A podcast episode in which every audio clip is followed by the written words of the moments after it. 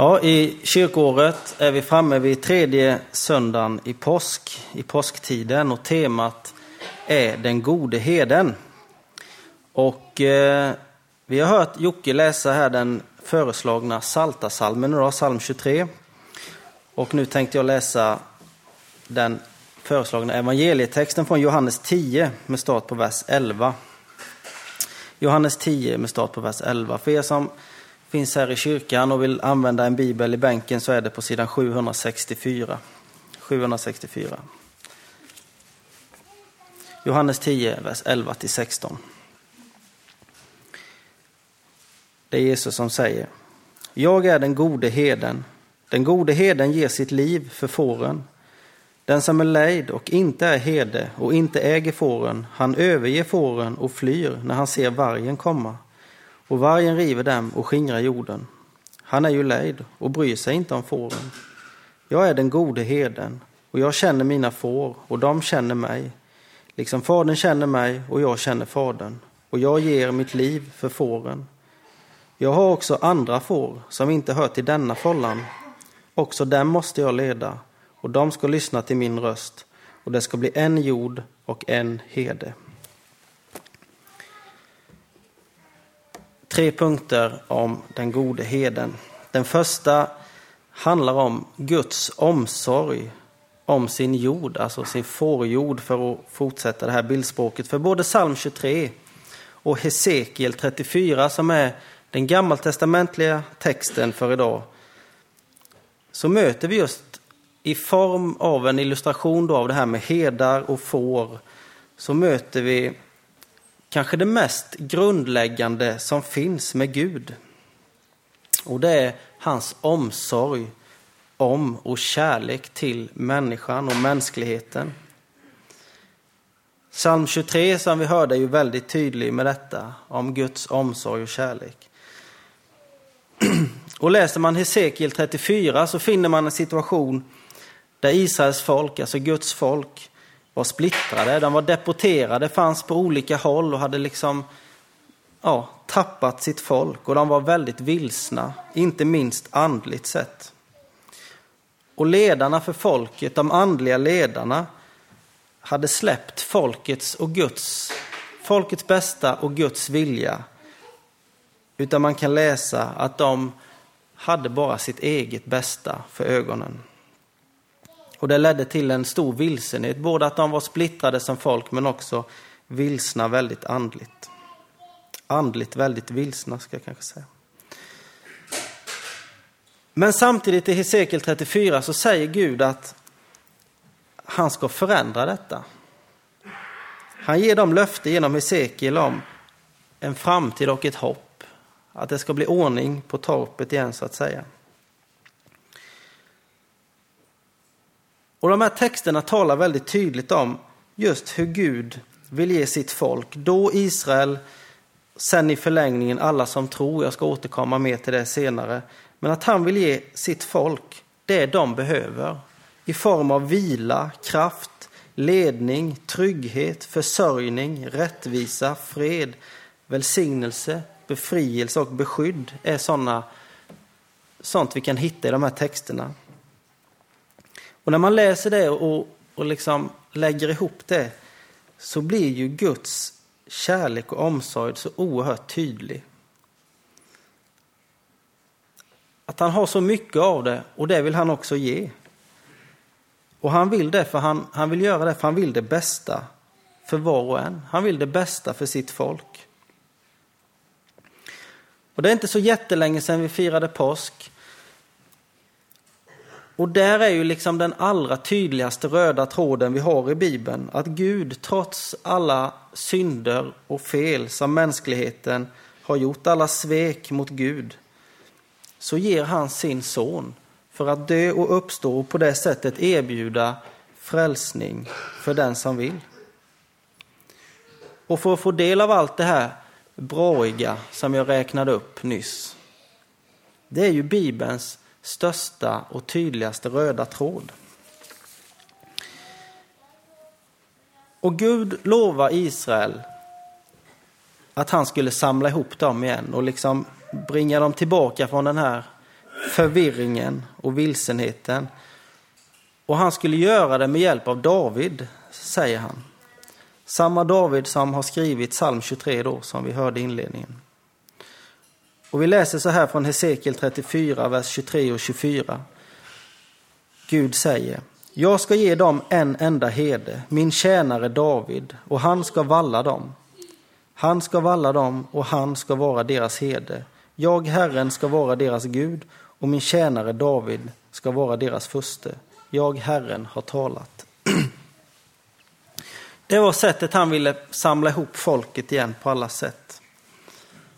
Han tillsätter en ledare, en herde, som till skillnad från de andra ledarna just under Hesekiels tid hade då Guds vilja och folkets bästa för ögonen, som såg bort från bara sitt eget och ville folkets bästa, som ville leda folket på rätta vägar, Guds eget namn till ära. Och det tar mig in på nästa punkt här, nummer två, som, jag, som får heta Får behöver herdar.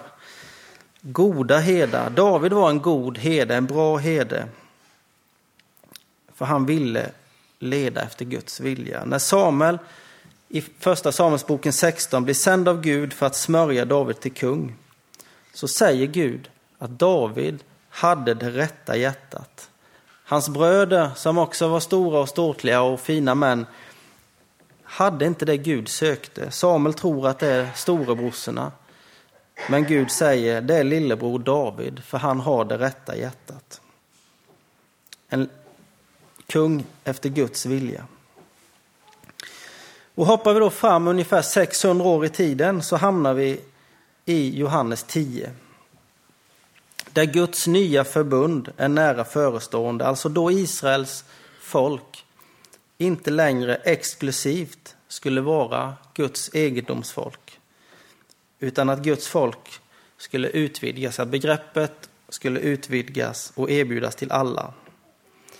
Och det är också det Jesus själv kopplar till i Johannes 10, där vers 16, när han säger att jag har också andra får som inte tillhör den här follan och de måste jag leda och de ska lyssna till min röst och det ska bli en jord och en hede. Det är judarna som får höra detta, alltså Guds folk. Att nu snart så finns det liksom fler får som Jesus ska leda in i follan, som, Gud, som Jesus ska leda in bland Guds folk. Och som jag redan nämnde lite kort så är det erbjudandet för alla som vill. Dock är det en möjlighet som enbart kan nås och upp, liksom tas vara på genom att följa den gode heden, alltså Jesus som har gett sina liv för fåren. Tidigare i samma kapitel, här Johannes 10, så har Jesus talat om sig själv som grinden. Grinden in till fårfållan, alltså in till Guds folk och att han då är den enda som kan öppna den grinden. In till Guds folk finns det bara en väg och han, det säger Jesus också rakt upp och ner några kapitel längre fram i Johannes när han säger Jag är vägen, sanningen och livet. Ingen kommer till Fadern utom genom mig. Bara genom Jesus och hans försoningsverk så kan vi få bli del i Guds folk och få en relation med Gud. Men så tänker jag att det stannar inte där.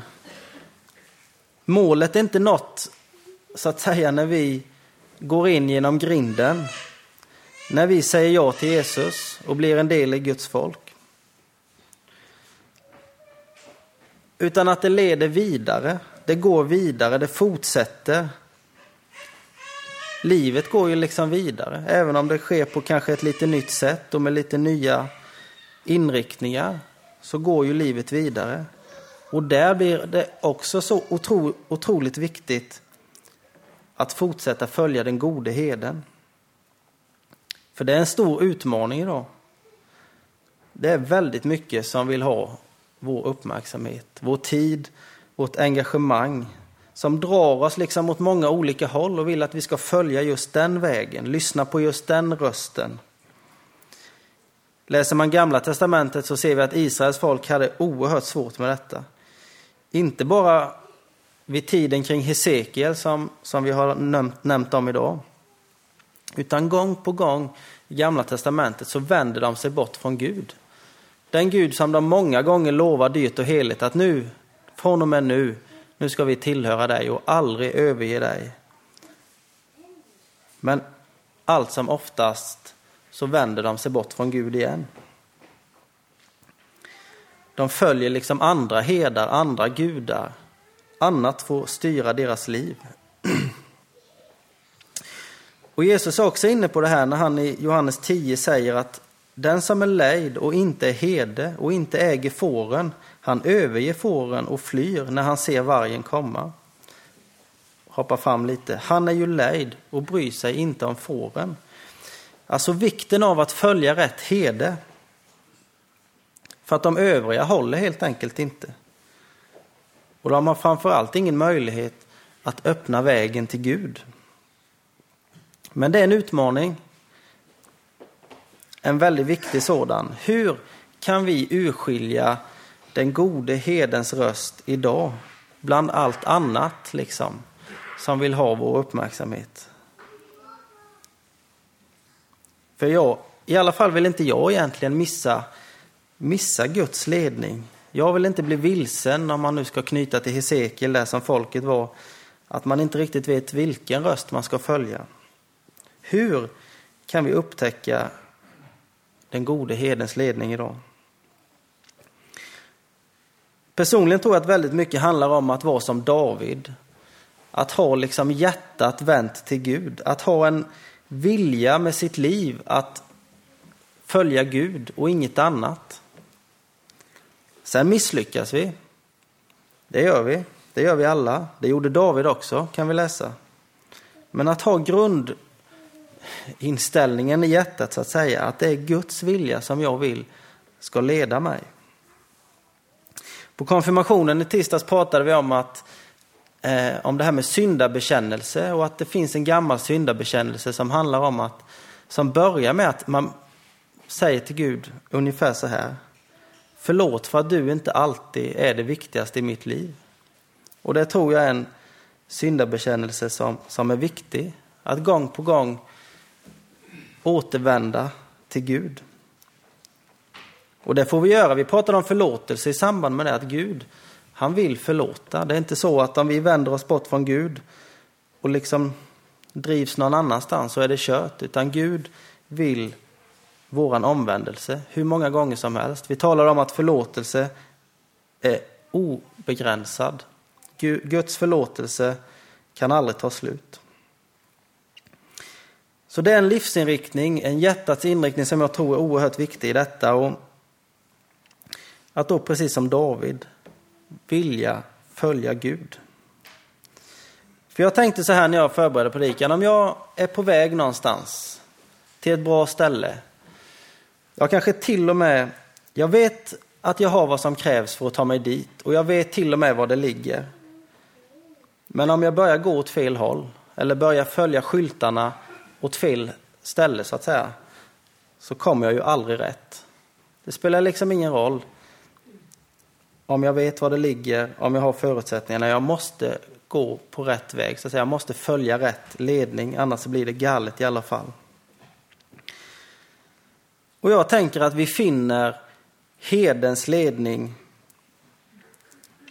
i ganska klassiska, vad ska man säga, ganska klassiska grejer. När vi läser våran bibel, när vi knäpper våra händer, när vi möts till gudstjänst, när vi åker på konferenser med bra undervisning och bra möten. När vi åker på läger, vi har precis börjat fundera kring vårt tonårsläger som vi ska dra på. Jag har fått, fått förmånen att vara med och planera lite för gudstjänster och bibelstudier. Och, och jag tror att det kommer bli bra på det sättet att man kommer kunna höra den gode hedens ledning på vårt tonårsläger. Och jag tror man kommer göra det på UV-läger och annat också. Jag tror vi gör det i cellgrupp när vi möts till bön.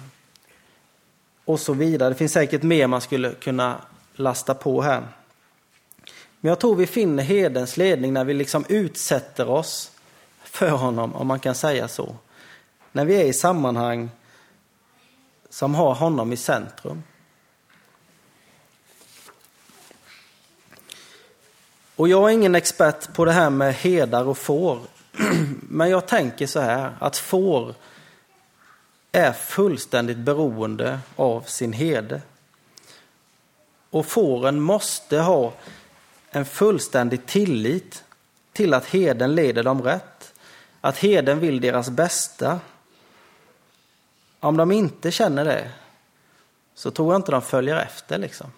För om de tror att leden är, heden är på väg att leda dem åt fel håll, det är klart att de inte följer efter. Och för mig är det två sådana nycklar i det här med efterföljelsen av Jesus. Beroende och tillit. Att liksom få släppa det här kontrollen över att jag måste styra och ha koll på allting som ska hända i mitt liv. Att överlåta det till Gud. Att lita på honom och de här löftena som han har gett. Att lita på att han leder oss rätt och han förser oss med det vi behöver. Det är inte lätt det heller, det, det vet jag. Jag tycker det är svårt ofta att på något sätt våga lägga allt i Guds händer i alla lägen. Men någonstans så får det ändå bottna i att, att Jesus har älskat oss så mycket så att han har gett sitt liv för oss. Som han säger här i texten. De andra lejda herdarna, de försvann när det började bli farliga grejer. Men Jesus, han backade inte för något. Han backade inte ens för döden. Och då är vi tillbaka lite där predikan började. Att följa den gode heden i sitt liv, det innebär fortfarande att vi får ta del av det som vi hörde från psalm 23 till exempel. Det handlar fortfarande om Guds oerhörda omsorg och kärlek till oss. Att det är lika sant idag som det var när David skrev psalm 23. Och jag tror att vi som får behöver heda. Vi behöver den gode heden. Annars blir det med oss som Israels folk. Vi blir splittrade och vilsna. Och så tänker jag mig en tredje punkt här i avslutningen. Och det är väl egentligen en punkt som kanske inte dagens texter berör så mycket, men jag petar in den i alla fall. Och det är att jag tror att vi kan få vara herdar. Inte som David eller Jesus, om man, om man nu ska gradera det på något sätt, men, men ändå lite småherdar för varandra. Och lite slarvigt uttryckt för andra, om man nu kan använda det uttrycket om, om de som ännu inte har gått in genom grinden in i fårfållan. Petrus skriver i, nej det gör han inte, Paulus skriver i Kolosserbrevet att vi ska lära och vägleda varandra. Och Jesus själv och många med honom i Bibeln uppmanar oss att vi ska älska varandra. Och där är vi ju inne på det om hedens roll som Jesus hade, som David hade. De vägledde och lärde och de älskade och hade omsorg. Så på det sättet tror jag att vi får vara herdar. Jag tror det är en del i församlingens uppdrag och syfte. För det är inte lätt att följa den gode heden själv. Vi behöver varandra. Och inte minst behöver vi som församling vara herdar för att leda fler människor in genom grinden in i fårfållan. Det är ju vårt uppdrag i mångt och mycket. Att föra evangeliet om Jesus vidare. Att inte bara stanna här inne hos oss, innanför kyrkans väggar. Och ett av de bästa sätten jag tror att vi kan vara herdar, det är att föregå med gott exempel, att leva våra liv som en lovsång till Gud. Som Rickard Sundström var inne på i sin predikan här förra veckan när han besökte oss. En predikan som du för övrigt kan höra på vår hemsida om du missade gudstjänsten. Jag får göra lite reklam här nu för vår nya fina hemsida. www.huskvarnaallianskyrka.se. Där kan ni nog lyssna på den predikan. Rickard kommer för övrigt tillbaka här igen om två veckor med ny, ny undervisning. I alla fall, att leva sitt liv som en lovsång till Gud. Det tror jag vi gör med både våra ord och vår handling. Ibland är det de konkreta exemplen som behövs. Där vi går före och visar och liksom praktiskt gör något. Och ibland är det kunskapen som behöver förmedlas, vittnesbördet som behöver delas.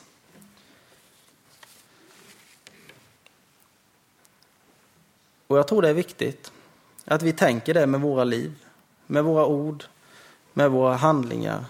Att vi är som herdar som kan få vara med och leda människor och varandra, så att säga, närmare Gud och en delaktighet i hans folk. Det var mina tankar idag om den gode heden, att det är Guds omsorg och kärlek till mänskligheten. Det är Jesus som den ende som kan erbjuda vägen till Gud och som vill leda oss vidare genom livet. Och att vi kan få vara herdar som hjälper och leder närmare Gud och en tillhörighet till hans folk. Vi ber. Och Herre, tack att du har sån oerhörd omsorg om oss. Hjälp oss att få uppleva det. Att vi får märka det när vi följer dig. Inte så att allt alltid blir perfekt och bra, men att oavsett så finns du där och du vill oss det bästa. Och du vill ge oss det vi behöver. Hjälp mig och hjälp oss med ett beroende och tillit till det. Att släppa kontrollen och låta dig leda oss genom livet.